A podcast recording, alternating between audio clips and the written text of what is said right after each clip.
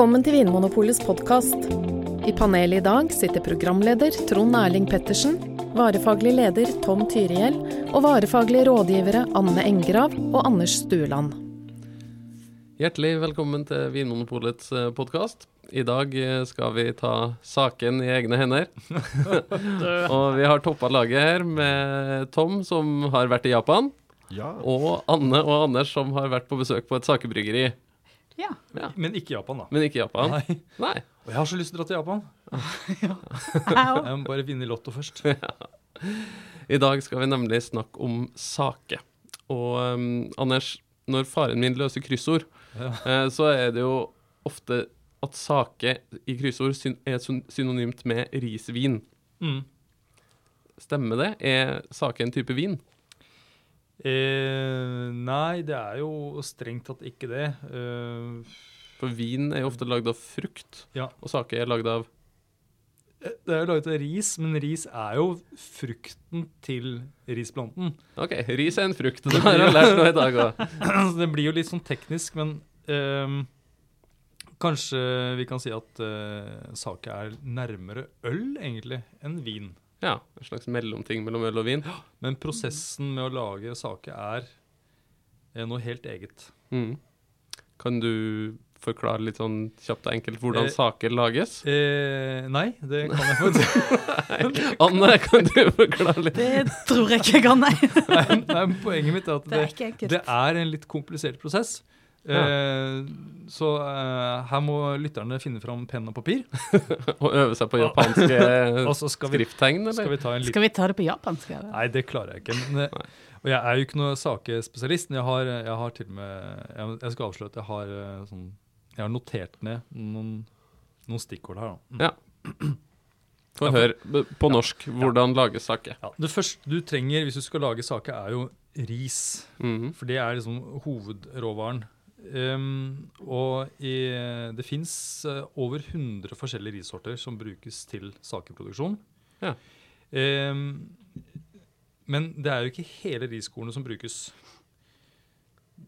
Deler av riskornet skal da poleres bort før det kan brukes i sakeproduksjon. Og i Japan så eh, regnes det som bedre jo mer du polerer bort av eh, riskornet. Jo, jo nærmere du kommer liksom den lille kjernen inn i Ja, riskornet, for det ja. er det fineste. Nettopp. Og mange har sikkert lagt merke til at det er, når du ser på et riskorn, så ser du at det er litt, et hvitere parti. Mm. Ja. Innerst. Innerst, ja. Ja. Og inn, det, inni den kjernen der så ligger det, det er det eh, mest stivelse. Mens dette, eh, den delen rundt den hvite kjernen inneholder mer protein og fettsyrer. Og det er da, skal da gi litt mer usmak til saken, mener de i Japan. Det, det er jo litt sånn Japan skulle være litt sånn purist. Ja, Det skal være rent og Mm. riktig. Skal Ja. ta vekk alt som er Som smaker noe. Ja. ja, Ja, da- litt, flau, litt flåsete sagt, kanskje, men allikevel. Ja, Ja, du er inne på noe, Anne. At eh, det, er- og det er klart at eh, jo mer du polerer bort av risen, eh, jo mer kaster du også. Du, så det blir jo mye mer kostbart, både at det tar lang tid å polere, men at du må bruke mye mer ris for å lage saken. da. Mm. Sånn at eh, en så det henger litt sammen med at det er en mer kostbar prosess å polere bort mye, og da blir saken dyrere og oppfattes som finere. Men den smaker jo også mer hva skal jeg si, delikat eller nøytralt. da. Ja. Jeg har hørt at du trenger 300 kilo ris for 50 liter sake. Det kan sikkert stemme. Og da, da håper ikke jeg de står og polerer riskorn for riskorn sånn for hånd hånd. én og én. Ja, det er, det er det aller, aller beste selvfølgelig om du får håndpolert ris, men det er det ingen som gjør lenger. Nei. Nei, det er Men, men vil det ja. da si at, at uh, grøtris er på en måte en bedre sakeris enn um, villris? da? Uh, ja, fordi uh, altså, sånn hvit ris som du kjøper i butikken, enten det er grøteris eller uh, basmati-ris, den er jo polert, den også. Mm. Eh, men da, den har en poleringsgrad på 90% Det vil si at eh, 90 er, er det som er igjen. Polert bort 10% 90% igjen. Ja. Eh, men eh, når, du, når de lager sake, så eh, bruker de da eh, ris som har en poleringsgrad mellom 45 og 80 Da snakker vi altså om det som er igjen av riskornet. Ja, Så de polerer bort da over halvparten av riskornet i, i noen tilfeller? Til liksom de fineste sakene så polerer de bort over halvparten av riskornet. Ja. ja.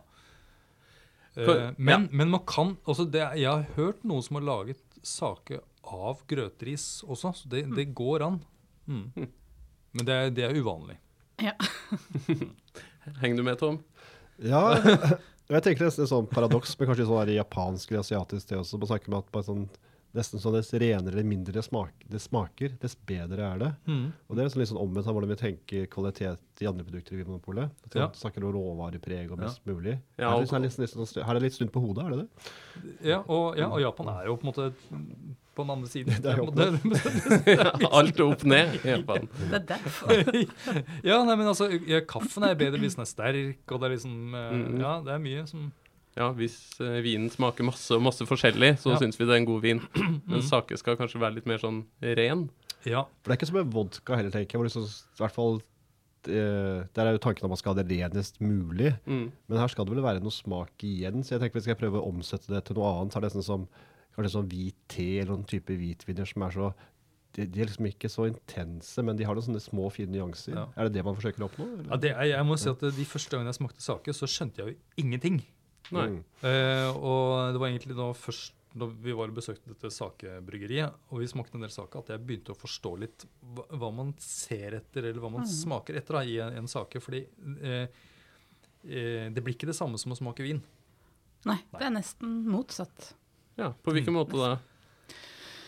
Um, nei, for det første er det ting som ikke er der. Uh, eller i hvert fall i mindre grad, sånn som syre. Mm. Som Mm. er vant til at skaper på en måte en livlighet som ikke er der. Men istedenfor så har du umami, f.eks. Ja, det her er femte grunnsmaken. Ja, og det, det var også en ting som gikk veldig sånn tydelig opp for meg når vi smakte mange saker, at da ble det tydeligere hva umami var. Ja. like mye som hva sake var. Så ble det en liksom Ja, det ble lettere å forstå den smaken også. Mm. Mm. ja. Spennende. Ja, fordi det er jo ikke Noen saker har jo eh, noe som minner om fruktighet. Mm. Men i tillegg så er det dette som du sier, sånne umami, nesten sånn kjøttaktige. Og så handler det mye om, om munnfølelse også, tror jeg. Ja. At det er noe litt sånn glatt og rikt eh, i, ja, i munnfølelsen. Mm. Jeg, jeg, Ja. jeg så en tabell hvor de sammenlignet litt innholdsstoffer i vin og øl og sake. Jeg tror det eneste hvor liksom det slo ut litt, var på glutamatsyre. Ja. Det, det hadde sake mye av. Ellers så var det jo mindre, ja, mindre syre, mindre alkohol. Og glutamatsyre, det er Hva er det for noe? Men jeg tenker er ikke det nettopp en del av denne umami-smaken? Ja, så Mm. Ja, for det monosodiumglutamat, er det ikke det? det som, Jo, det er det her eh, MSG, MSG. det er mm. kunstige umamien som man tilsetter i Kina, sånn kinesisk mat. Ja. Chop sui og Ja. sånne type så det er mye posesupper og Mm. Men det finnes jo naturlig også eh, Mm. glutamat. Mm. Men er det kanskje da mer en smakegreie også, Saki? At det er mer sånn munnfølelsen og det, enn man sitter og, sitter og lukter på det i et vinglass heller? Det, Jeg tror det. Jeg tror det, at du er inne på det der at munnfølelsen er viktig. Ja, for han som vi smakte sammen med, han var jo opptatt av at det var en bra ting når det ikke var lang ettersmak.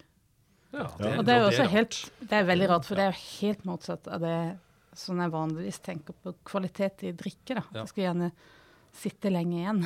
Ja. Vi, vi smakte jo også da noen saker sammen med denne sakemannen som var helt eh, eh, Noe helt, helt annet enn det jeg har forbundet med saker før, i hvert fall. Mm. Blant annet eh, lagra saker og, og sånt. Helt noe, vanvittig. som blir mer sånn gyllen i fargen og nærmer seg sherry i aroma og, og sånt noe. Og da var det mange nyanser, eh, og da var det mange smaker.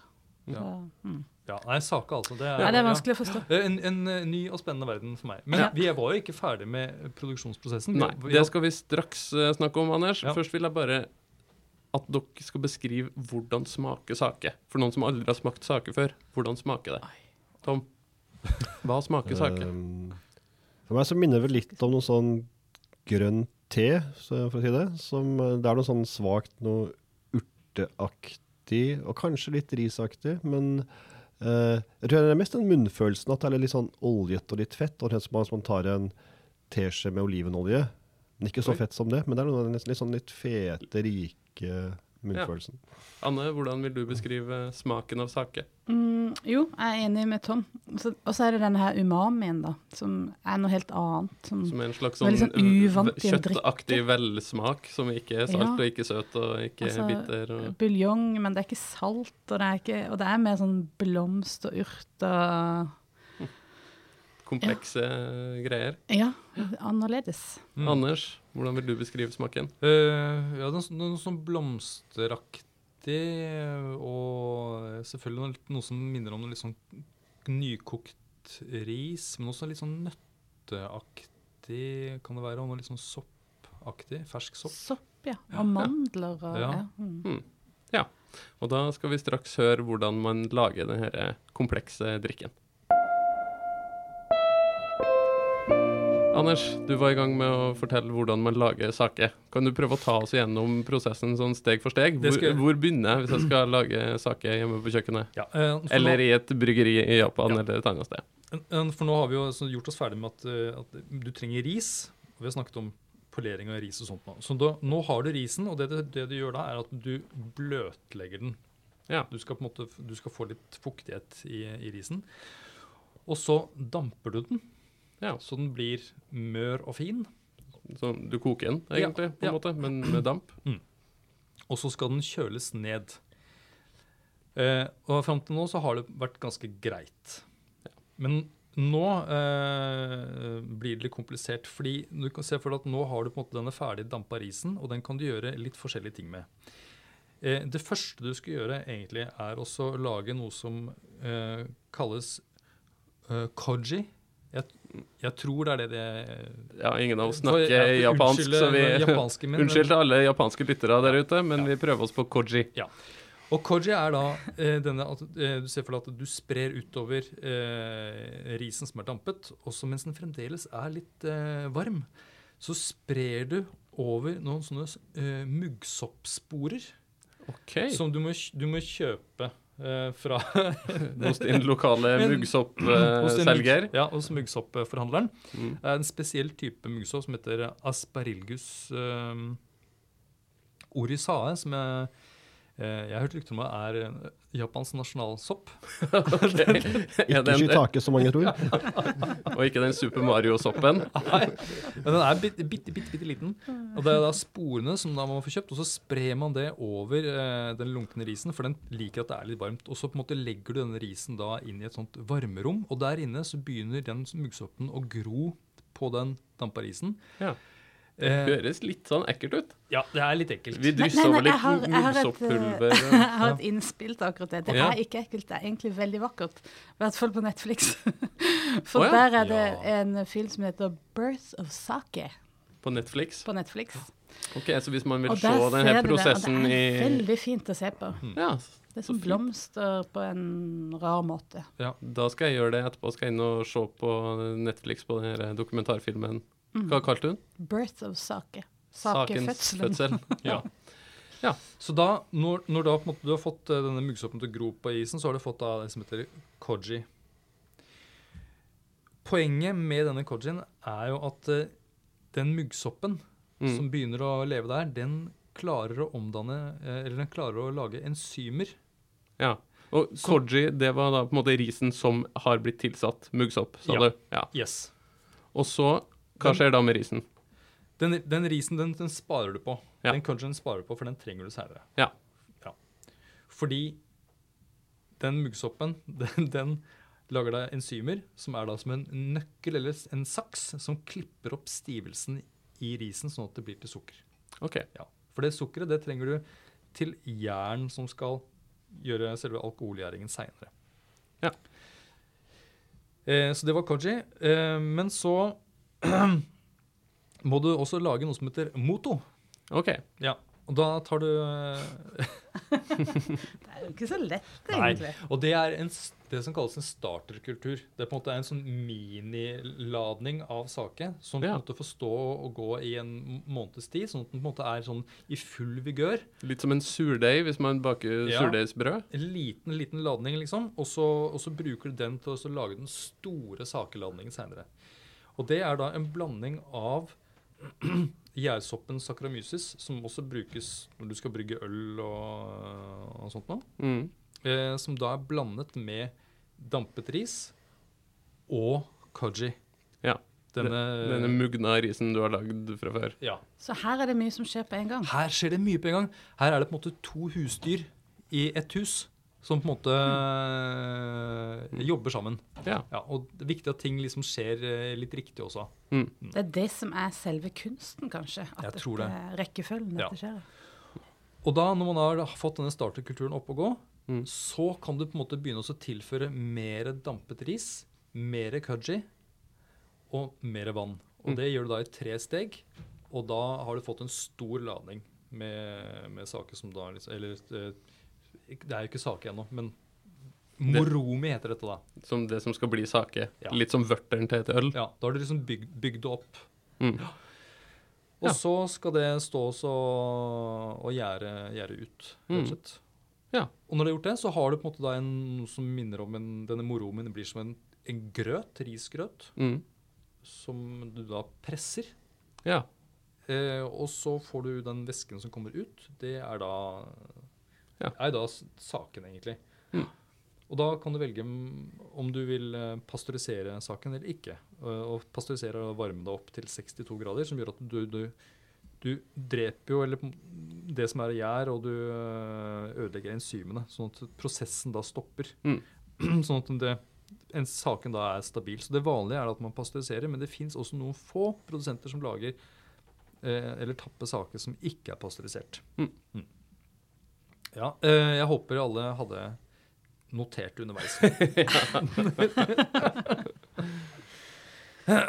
ja. Mm. Eh, Tom, er det sånn at det her kan man bare gjøre i Japan? Er det bare i Japan at eh, man lager saker? Um, nei, det lages jo faktisk også i Norge. Så, og det, der er jo et, et ølbryggeri. Og de er så vidt jeg vet de eneste i Europa også Ja. som lager det. Så det er Ellers er det jo Man kan lage det flere steder i Asia, men Mm. i ja. I Europa, så er det Norge, vi i er det Norge. det er Heia Norge Norge. som gjør det. Det er kult, da. Ja. Og det er der eh, dere har vært på besøk, Anders og Anne, og, eh, og sett hvordan saker lages i, mm, på ordentlig. Mm. Ja. Ja, Det er jo så greit også å treffe noen som snakker norsk og eh, engelsk. Mm. Mm. Eh, for jeg er så dårlig i japansk. Ja, det, det hadde vært veldig vanskelig å forstå det du nettopp forklarte, hvis det hadde vært på japansk i tillegg. Men da fikk vi også smake på den der moromien. moromin. Mm. Det var også veldig morsomt. Og moromi, hva var det igjen? Det var den før den er pressa, når den bare ligger og så er litt sånn Det er risgrøt grøten. guffe liksom med klumper i. Ja, hvordan var- smakte det da? Det, det, det smakte jo litt som en uh, sake, da. Ja, Ja. Bare med biter? Med Ja. klumper i. Mm. Ja. Det føltes veldig autentisk. Og litt sunt òg, på en måte. Litt sunt, ja. Ja. Og noen gang når jeg kikker på, på polet eller nettbutikken til Vinmonopolet på det som finnes av saker der, så står det en del sånne japanske ord. Eh, ginjo og junmai og noen sånne ord. Hva betyr det? Går det an å si noe enkelt og greit om det? Eh, nei. Nei. Med en gang det blir japansk, så blir jeg litt sånn redd. Men det er jo forskjellige stiler, da. Ja. Anders, du har liksom et sånn klart hode. Har ikke du, Ja, nei, har ikke du mulighet for å jeg har ikke klart hode, Jeg har notater. OK. Hva står det i notatene dine? Jo da. um, eh, eh, Junmai, det betyr at det er eh, en sake som ikke er tilsatt brennevin. Altså alkoholen som er i den saken, den kommer fra da denne gjæringen. Mm. Kun gjæring. Og så er det heller ikke tilsatt sukker. Nei. Så det er en, en, en ren sake, da, kan man si. Mm. Eh, I tillegg så fins det noe som heter eh, Eller altså, det, det, du kan ha deg en junmai som det også står daiginju på. Daiginju. Og det betyr Det betyr at uh, den har den uh, den er, Det er laget av ris som er polert veldig mye. OK. Som er under 50 At de- de har liksom polert bort mer enn halvparten av riskornet. Da kalles den daiginju. Og det er da den aller reneste, mest delikate saken, da. Ja. måte. Så fins det da en kategori som er liksom ikke så polert. Som er da 60% polering, altså det er 60 igjen av risen, som da kalles for ginju. Ja. ja. Så, men eh, ja, min erfaring er jo at eh, det kan være vel så spennende også å prøve saker som ikke er laget av veldig polert ris. Mm. For du får litt mer smak. Det jeg også hørt som var et poeng med denne poleringsgraden, var det at eh, når du tar vekk det ytterste laget altså Du polerer det fordi at du vil ikke ha for mye umami. Mm. Så de som er mindre polert Mm. Det er mer igjen av riskornet. Ja, at det er mer igjen av riskornet. Da er det også mer igjen av umamien. Mm. Ja. Og også lettere å danne ester og liksom fruktige, Mm. fruktige aromaer, da. Sånne aromastoffer som lager fruktig aroma. Mm. Mm. Ja, men det henger jo på grep. Da blir det mer eh, smak, som Mm. Anders sa. En annen uh, del av prosessen som kan gi litt mer smak, er uh, denne, hvordan man lager denne motoen, altså som er denne starterkulturen som vi Ja. snakket om.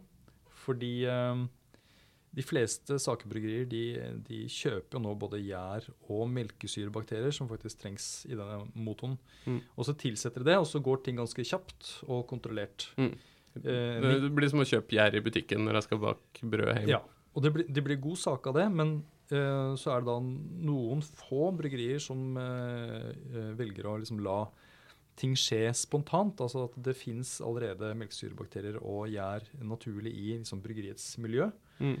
Um, men det tar mye lengre tid, og de løper også en risiko for at ting ikke går så bra. Da. Men stort sett, har du holdt på en stund, så, Mm. så går det bra. Men da, det sies at den prosessen som da tar lengre tid, og kanskje involverer litt flere organismer, Mm. gir en litt mer smaksrik og kompleks sake. Det er jo det samme man sier gjerne med spontangjær vin, kanskje, eller uh, surøl fra Belgia Mm. og sånn, at eh, det er litt mer usikkert og tar lengre tid, men du får kanskje en mer kompleks smak. Mm. Mm. Du trenger ikke beherske det japanske språket for å prøve sake. Men av og til kan du støte på japanske ord på etiketten. Her er en liten guide til noen av begrepene du kan komme borti. Jun mai betyr sake som ikke er tilsatt alkohol. Her kommer all alkoholen fra gjæringsprosessen. Ginjo betyr at minst 40 av riskornet er polert bort. Dette gir en ekstra kompleks og delikat sake. Ginjo kan være tilsatt alkohol, men ikke hvis det står Jun Mai Ginjo på etiketten. Dai Ginjo betyr at enda mer av riskornet er polert bort, minst 50% Også denne kan lages med tilsatt alkohol, eller uten, og da heter den Jun Mai Dai Ginjo. Både Ginjo og Dai Ginjo regnes som kvalitetsbegreper på samme måte som single malt whisky regnes som en høyere kvalitet enn blended whisky.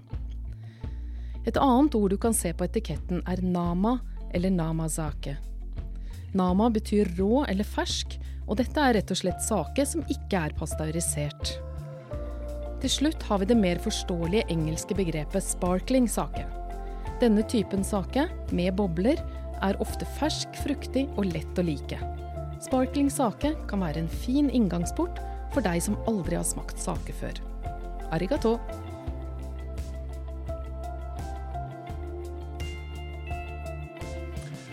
Tom, da du var i Japan, drakk du noe sake da? Eh, ja, ikke så mye som man kanskje skulle tro, men Nei. jeg prøvde det noen ganger. Eh, og et sted i nærheten av Shibuya, eller eh, dette Unnskyld min japansk også. men dette berømte eh, krysset man ser ofte på TV, man Ja. fotgjengerfeltene. Mm. Der var det restaurant, og der fikk man en sånn tre forskjellige typer saker som man kunne da prøve som en sakeprøving. Mm. Uh, og der var de fra et ganske sånn lette og fruktige til og mer sånn soppaktig, treaktig, som ble beskrevet her i stad. Mm. Eh, Var det noen type mat du smakte i Japan som, eh, som sake passa godt til? Og de, de har jo en del sånne eh, Både disse soyasausene og disse, disse fermenterte tingene der, som er, det er jo ganske sånn umami-rik mat også, som har det Mm. der sånn fete, rike delen. Og det å få noe som er da en drikk som har litt mer vekt i munnen enn Mm. bare vann, det passet jo bra. Mm. Eh, og det andre som er litt overraskende, er jo at det er, det er romtemperert. Sånn sett. Så Ja. Det fikk jeg der. Så det, er at du gjør vant til å drikke kalde ting til. Ja. Og det har jeg så hørt er skal vi si, Hvis du tenker dette litt videre, og hvordan man drikker da rødvin til mye mat i Asia ellers, Mm. så er det fordi at rødvin kan man servere romtemperert, og Ja. hvitvin er kaldt, så dette er litt mer uvant for dem. Mm. Ja. Så det å ha ting romtemperert passer bedre, er de mer vant til, da, sånn som te og sånt også. Mm. Heller det enn de kalde tingene. Det her er jo egentlig det evige spørsmålet når det gjelder saker. føler jeg Det første spørsmålet mange stiller seg, er jo skal den drikkes kald eller varm. Mm. Fins det noe fasitsvar på det? Nå svarte jo Tom på at eh, sedvanen i Japan er å drikke den litt sånn romtemperert, kanskje? Ja, det blir jo noe midt imellom, det. da. Ja. Det høres jo Ja, høres så bra ut, det. Ja, 18 grader. 18 grader. det er fasiten. Det er fasiten. Ja. Men det du sier, Tom, at, eh, at det du drikker, altså saken, er, har en sånn munnfølelse som liksom harmonerer med, med maten, det er jo litt spennende, fordi jeg har vært vant til å tenke at uh, det man drikker, skal liksom skjære litt gjennom eller rense opp. Men her er det kanskje mer snakk om at det liksom underbygger noen litt sånne kvaliteter i maten. Jeg tenker se for meg at Hvis jeg spiser en, en rå bit av, av en feit fisk, f.eks. Den litt Mm. sånn feite, rike munnfølelsen, den, hvis jeg da drikker en sake til, så vil den kanskje nesten bli oppleves som enda rikere. Altså at Mm. jeg, får mer av det som er liksom spesielt med maten. Mm. Ja, Ja. det er kanskje annerledes enn hvordan vi tenker mat og vin her i Europa. At de, som sier, det heller forsterker munnfølelsen og smaken av de Mm. tingene du spiser. Ja, for vi tenker ofte sånn til feit fisk, f.eks. En hvit vin med masse syre som liksom skjærer gjennom og Mm. renser opp i den feite Mm. følelsen.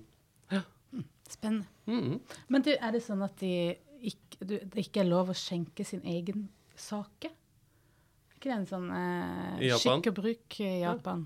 At man eh, må alltid skjenke til andre? Du kan ikke Eh, skjenke til det, selv. ble, det ble jo skjenket, så, sånn sett. Så, Så men jeg tenkte liksom bare det var nesten en vanlig del av den japanske høfligheten. At de alltid gjorde det. liksom. Så jeg, men jeg vet ikke om det er et spesielt ritual for saker. Nei, jeg, jeg synes bare Jeg husker at jeg har hørt den.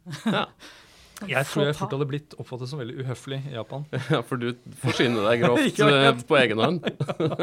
Men Tom, stemmer det at japanere ikke kan si nei? At Hvis du spør, om, eh, hvis du spør liksom, hvor, eh, hvor finner jeg nærmeste matbutikk, og så vet de egentlig ikke hvor det er, men allikevel så Da bare finner de på noe istedenfor å si at de ikke vet svaret.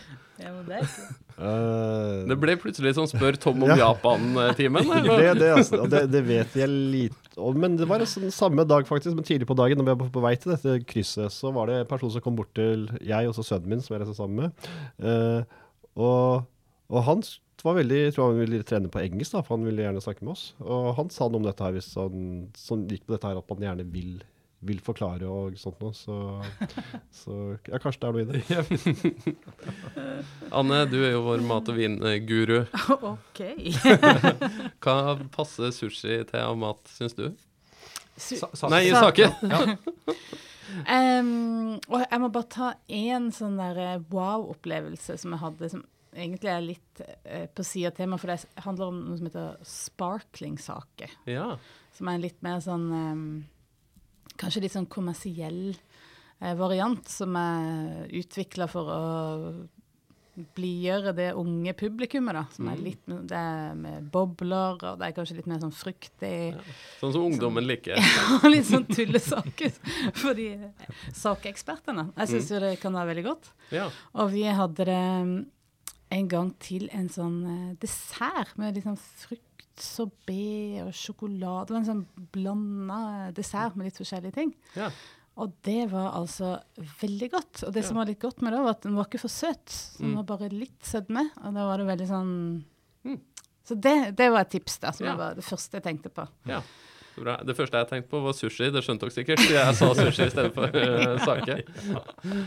Men så er det jo et, uh, et munnhell som uh, heter 'saken er biff'. Eller 'saken er biff', Anders. ja. Kan man drikke sake til kjøtt? Eh. Vi har jo snakka om at det er Ja. litt sånn kjøttaktig Ja.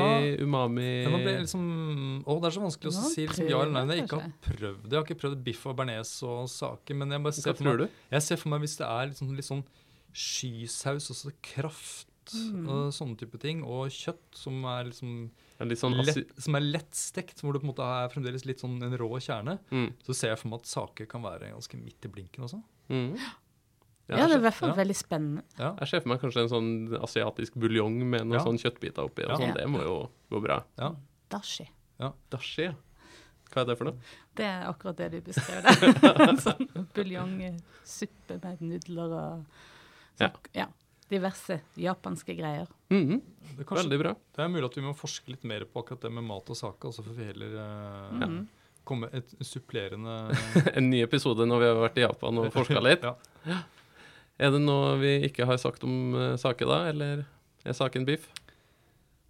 Uh, Det er ingen som brenner inn med noe? Jeg kommer, ikke- jeg kommer ikke på noe. Dette Nei. må jo være den beste podkastepisoden vi har laget om saken. Ja, det er jeg helt sikker på. For det er, Og- det er også den eneste. Og før den her eh, beste podkastepisoden om saken er over, så eh, skal dere få lov til å komme med et konkret uh, tips hver, syns jeg, uh, til meg som ikke har prøvd så mye sake. Mm. Hva, hva bør jeg prøve da? Er det en spesiell kombinasjon av mat og sake? Er det en type sake som er best å begynne med? Eh, Anne? Har du- Ja, nå har jo jeg på en måte allerede gitt mitt tips. Ja, her, da. og det, ta det igjen. Ja, dette, det- da vil jeg prøve sparkling-sake. Mm. Den litt sånn tullete saken. til en eh, litt sånn lett fruktig dessert. Ja, bra tips. Tom, har du noe eh, konkret tips å gi meg? Åh, det Man prøver det jo til sushi og sashimi-ting, og det, det er grunn til det. Den der fete konsistensen, den rike smaken som er der. Så egentlig hvis man Mm. ikke har gjort det, så Mm. er det en klassiker som er verdt å prøve. Det, Ja. det, det, smakene passer inn, og munnfølelsen passer veldig godt inn der. Da skal jeg gjøre det. Anders? Eh, ja, da eh, vil jeg oppfordre folk til å prøve saker som smaker ganske mye. Så enten prøve å få tak i en upasteurisert sake, en såkalt nama-sake. Namasake. Ja. Eller eh, om du klarer å få kloa i en eh, lagret, en utviklet sake. Ja. Og ta det en gang til. Den saken som da kanskje hadde litt mer smak, og som ikke var polert, der riskornene ikke var polert så mye, Ja, hva het den? Eh, Den heter, eh, kan bare hete f.eks. Eh, Junmai, men ikke noe mer enn det. Eller den heter Ginju. Ja, Ja. ok. Så da skal jeg se etter Ginju, eller Junmai, Ja. på flaska. Ja. Så bra. Og Anne, takk for Netflix-tipset ditt. Vær så god. Ehm, jeg har faktisk òg oppdaga en annen relevant dokumentar på Netflix som handler om sushi. Som handler om en veldig søt, fin, gammel sushikokk i Tokyo. Så eh, hvis man ikke er lei av Japan etter å ha sett eh, The Birth of Sake, så kan man jo prøve å få med seg Jiro Dreams of Sushi Mm. på Netflix. Den eh, er òg veldig flott. Den restauranten prøvde vi å finne, den fant vi aldri. Du skulle spurt noen om veien. ja. Da hadde du i hvert fall fått et svar. Det ligger på stasjonen Ginsa, tror jeg, men det er helt umulig å finne. Ja, ok. Vi får prøve igjen da, hvis vi får komme oss på en eh, studietur eh, dit. Japan, Ja, Ah, Japan. Takk for at du hører på Vinmonopolets podkast. Har du forslag til et tema i podkasten? Send mail til podkast at vinmonopolet.no. I tillegg svarer kundesenteret deg på e-post, chat og telefon. Ring 04560 eller besøk vinmonopolet.no.